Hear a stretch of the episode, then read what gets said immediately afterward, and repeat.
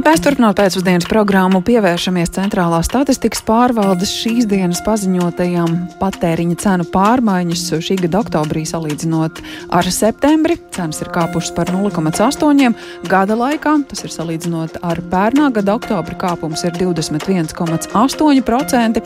Jā, augsti rādītāji, pie kuriem pamazām jau esam pieraduši pagājušo mēnesi, arī inflācija pārsniedz 20%, tā bija 22,2%.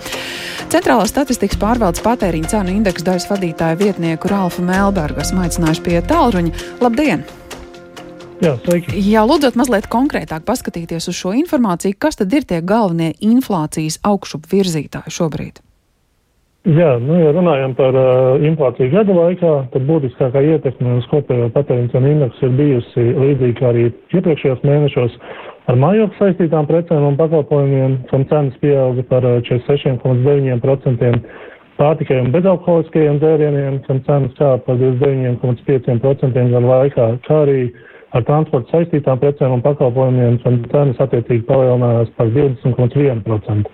Savukārt, eh, ja skatāmies mēnešu laikā, kas salīdzinot oktobri ar septembri, tad uh, būtiskākā ietekme ir bijusi attiecīgi pārtikai un bezalkoholiskajiem dzērieniem, ar pieaugumu 2,1%, tāpat ar transporta saistītām precēm un pakalpojumiem, kur ir pieaugums bijis 3%, kā arī ar atpūtu un kultūras saistītās preces eh, un pakalpojumi ar pieaugumu 1,1%. Nu, un, protams, jāpiemina arī cenu kritums ar mājokļu saistītām precēm un pakalpojumiem, kas, kur cenas samazinājušās vidēji par 1,8%, ko ir arī Par savu ietekmi ir arī atstājuši šie valsts atbalsta pasākumi energoresursiem. Tātad, ja es vaicātu, vai ir kāda pozīcija, kur ir novērots samazinājums, vai varbūt tas kāpums nav tik strauji, tad šī ir tā atbilde. Ja? Nu, tieši pa mēneša laikā viss, tā teikt, lielākais kritums ir bijis tieši dabas, tieši elektroenerģijai, kura ir samazinājusies par 28,9% kur tad arī ir šī ietekme bijusi vienam no šiem atbalsta pasākumiem energoresursiem, attiecīgi šīs pirmās 100 kWh, kuras no 1. oktobra visiem patērētājiem ir pa vienotu cenu, kas ir 0,160 eiro par kilovatstundu. Bet, nu, tā salīdzinot septembri ar oktobri, kādi, kādi sezonālie faktori, kas ir drīzāk skaidrojums, kādēļ cenas ir kāpušas vai, vai, vai mazāk strauji kāpušas, vai tādi arī vēl ir vērojami? Uh, jā, no sezonālajiem faktoriem varam pieminēt uh, svaigos dārzeņus, kam attiecīgi cenas ir pieaugušas par 23,3% mēnešu laikā, kur tad uh, būtiskākie cenu pieaugumi ir bijuši tomātiem un gurķiem, attiecīgi tomātiem par 60,4% un gurķiem par 40,6%. Tāpat arī mm, noteikti jāpiemina, ka pieņemsim, piemēram, siltumenerģijai, kurai arī ir šie atbalsta pasākumi, tik un tā mēneša laikā arī tos ņemot vērā, pieaugums ir bijis uh, pa 16,5%, bet šis pieaugums tomēr ir bijis mazāks nekā, ja, būtu, ja nebūtu šādas kompensācijas. Bet nu, tas tomēr arī ir būtisks pieaugums, kas arī ir palielinājis uh, mēneša rādītāju. Skaidrs. Paldies par šo ieskatu Centrālās statistikas pārvaldes patēriņa cenu indeksu daļas vadītāja vietniekam Rāfam Melbergam un sarunāšos arī ar Svetbanku galveno ekonomistu Agnesi Būcenieci. Labdien! Labdien! nu, tā vienkārši no malas raugoties, nav tā, ka, ka tā inflācija ir kaut kas tāds, pie kā mēs pakāpeniski pierodam, kā pie tādas sliktās ziņas, jo tas nepārtraukti turpinās no mēneša uz mēnesi. Viss kļūst dārgāks, tāpēc, ka viss kļūst dārgāks. Nu, šķiet, ka tas ir tāds ritenis, no kura vai spirāli nav izais. Jā, nu, cenu pieaugums, protams, ka ir nepatīkams vēl jau vairāk tāpēc, ka cenas aug straujāk nekā ienākumi. Un tajā brīdī, tad, kad um, rūk mūsu pirktspēja, tad arī mēs uh, visvairāk to inflāciju izjūtam. Jo nu, arī, teiksim, tādos normālos laikos ekonomikā arī ir vērojams cenu pieaugums, bet tas ir ļoti mērens un, un, un iepriekš tas ir bijis lēnāks uh, nekā, nekā ienākumu kāpums. Tāpēc Šobrīd um, 20 um, gandrīz vai 2% ir strauja, uh, strauji un sāpīgs uh, cenu kāpums. Nu, tāds um, nu, varbūt mazs mierinājums uh, ir tas, ka nu, izskatās, ka nu, esam jau tuvu tam augstākajam punktam, iespējams esam pāri, bet nu, tāpat uh, arī tuvā, tuvākajos mēnešos nu, gaidāms, ka tas uh, cenu kāpums uh, turpināsies. Piemēram, ne visos. Um, Ne visos um, komunālajos tarifos mēs jau esam to augstāko punktu ieraudzījuši. Ir jau daži gan siltumapgādes tarifi izsludināti, gan droši vien ieraudzīsim arī gāzes tarifu pieaugumu janvārī.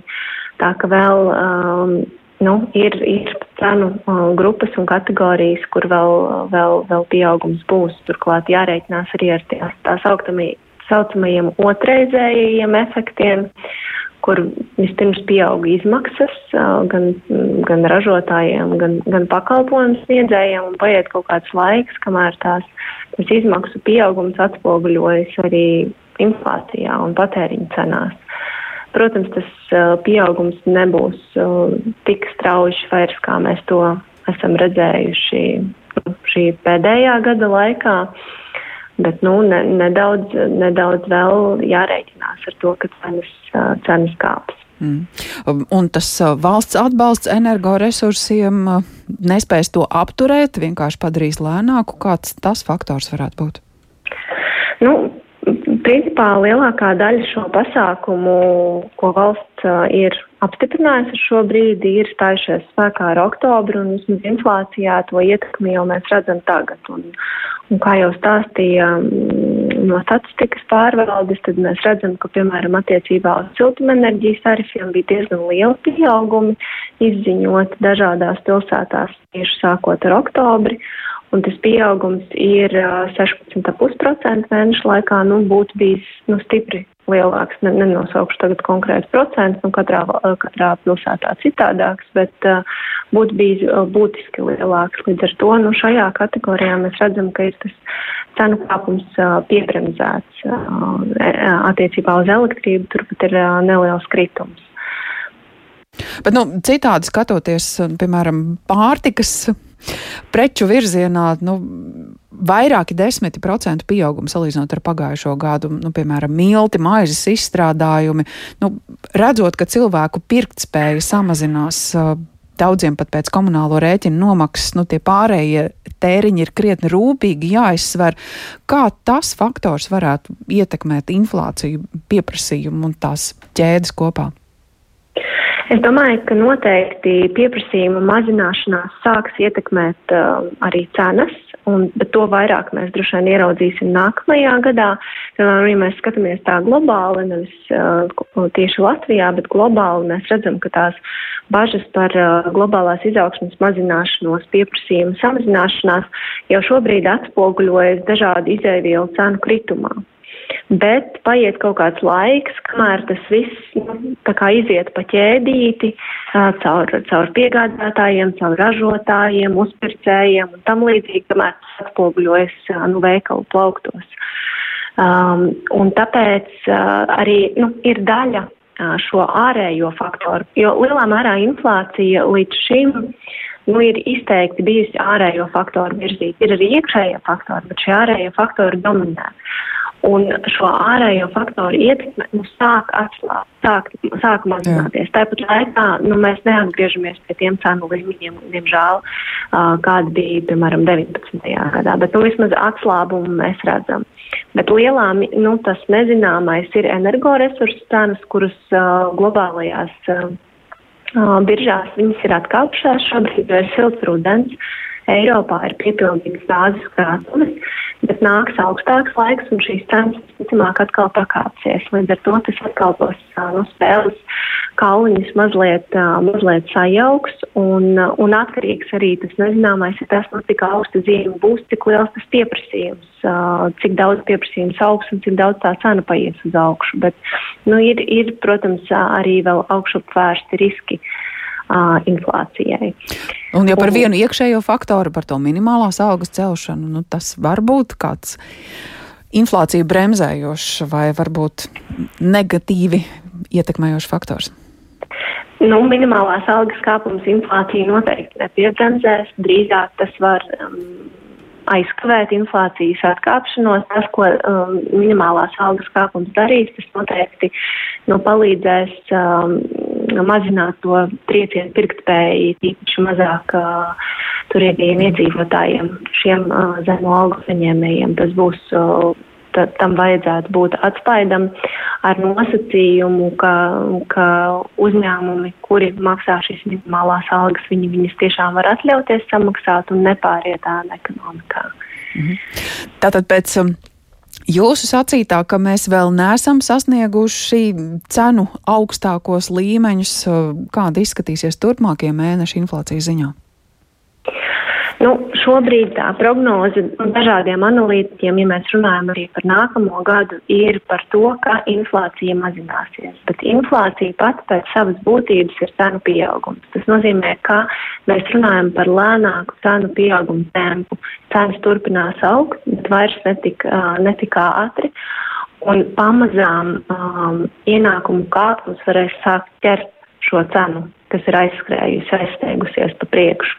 Bet paies, nu, vajadzēs vairākus gadus, kamēr mēs atgriezīsimies pie tās pirktspējas, kāda mums bija vēl nu, pusotru gadu iepriekš. Un, ja runājot par cipariem, tad, nu, salīdzinot gads pret gadu, nu, tā visbiežāk skatās inflāciju tad tā inflācija nu, pie tiem 20% nu, turēsies vēl vismaz līdz pavasarim, un tad varam gaidīt, ka gada laikā sāks atslābt un uz gada beigām nu, pie kādiem 3% varētu nokrist. Bet atkal tas nozīmē, trī, ka uz nākamā gada beigām tās cenas būtu par 3% augstākas nekā uz šī gada beigām. Jā, paldies par šo komentāru. Saka Svetbanka galvenajai ekonomistei Agnesei Būciniecei ar viņu skatījāmies uz inflācijas rādītājiem. Gada laikā cenu kāpums 21,8, mēneša laikā 0,8%.